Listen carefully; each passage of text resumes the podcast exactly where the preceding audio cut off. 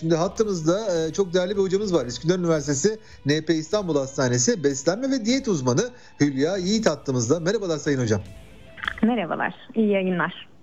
Çok teşekkür ederim. Şimdi cevizi konuştuk ama ben biraz bütün gıdaları konuşmak istiyorum. Geçtiğimiz günlerde sizin e, imzanızla e, bir basın bülteni gördüm efendim. E, yani yapay renklendiricilerden bahsediyordu. Her zaman bu yapay renklendiricilerden korkmuşuzdur zaten. Böyle çocuklarımıza bir şey alırken üç kere düşünerek almışızdır. Ama bu yapay renklendiricilerin ne zarar verebileceğini ya da hangilerini seçmemiz gerektiğini hiç bilemedik. Ben bu konuyu size sorarak başlamak isterim. Hı hı. Ee, yani öncelikle e, doğal renklendiricilere yönelmeyi tabii ki hepimiz tavsiye ediyoruz. Ancak e, doğal renklendiriciler maalesef e, yapaylarına göre hem e, daha pahalı hem de ulaşması daha zor olabiliyor. Bu noktada e, üreticiler de açıkçası yapay renklendiricilere daha çok yönelmiş oluyor. E, Siz o farkı nasıl anlayalım efendim? Efendim? O farkı nasıl anlayalım biz yani bu renklendirici doğal, bu renklendirici yapay? E, açıkçası etiket okuyacağız. E, paketle aldığımız her ürünün etiketine bakacağız.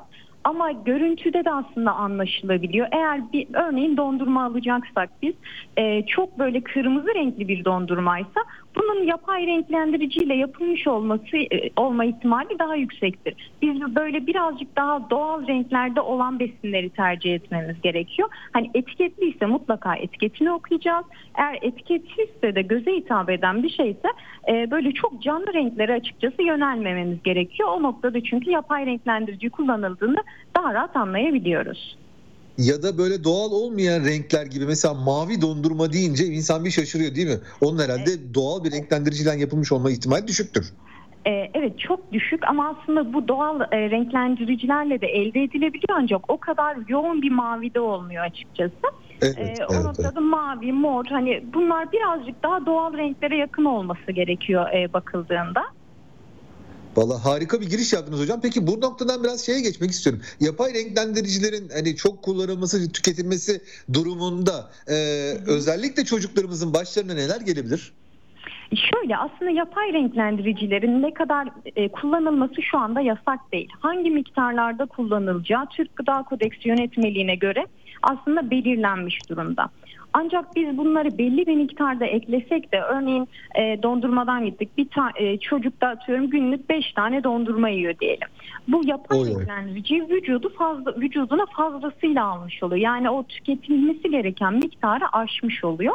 Ve bu noktada da aslında çocuklarda daha çok hiperaktivite görebiliyoruz. E, hiperaktivite alerjik çocukları olumsuz etkileyebiliyor bu yapay renklendiriciler. E, o noktada e, tüketilen besinin e, besin değerinden çok e, işte paketli besin değerine bakıyoruz. Bu noktada e, paketli ürünlerin etiketini okuyup da renklendirici var mı yok mu buna bakılması gerekiyor. Ve e, belirttiğim gibi eğer çocuğumuzda bir hiperaktivite ya da alerjik bir durum bu tarz e, durumlarımız varsa da olabildiğince e, doğal beslemeye çalışmamız gerekiyor aslında.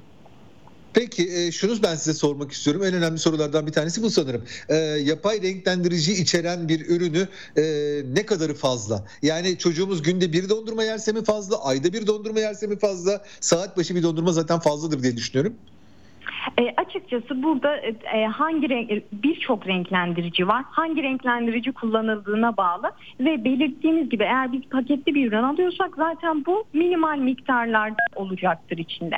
Ancak çocuklara e, olabildiğince biz haftada bir ikiden fazla hani paketli ürün çok vermeyelim istiyoruz. Açıkçası çok bir sayı veremeyeceğim bu noktada ama haftada bir iki günden fazla paketli işlenmiş besinlerin tüketilmesini önermiyoruz. Çünkü sadece renklendirici de değil gıda katkı maddeleri de olabiliyor. Bunlar bağırsak sağlığını da olumsuz etkileyebiliyor.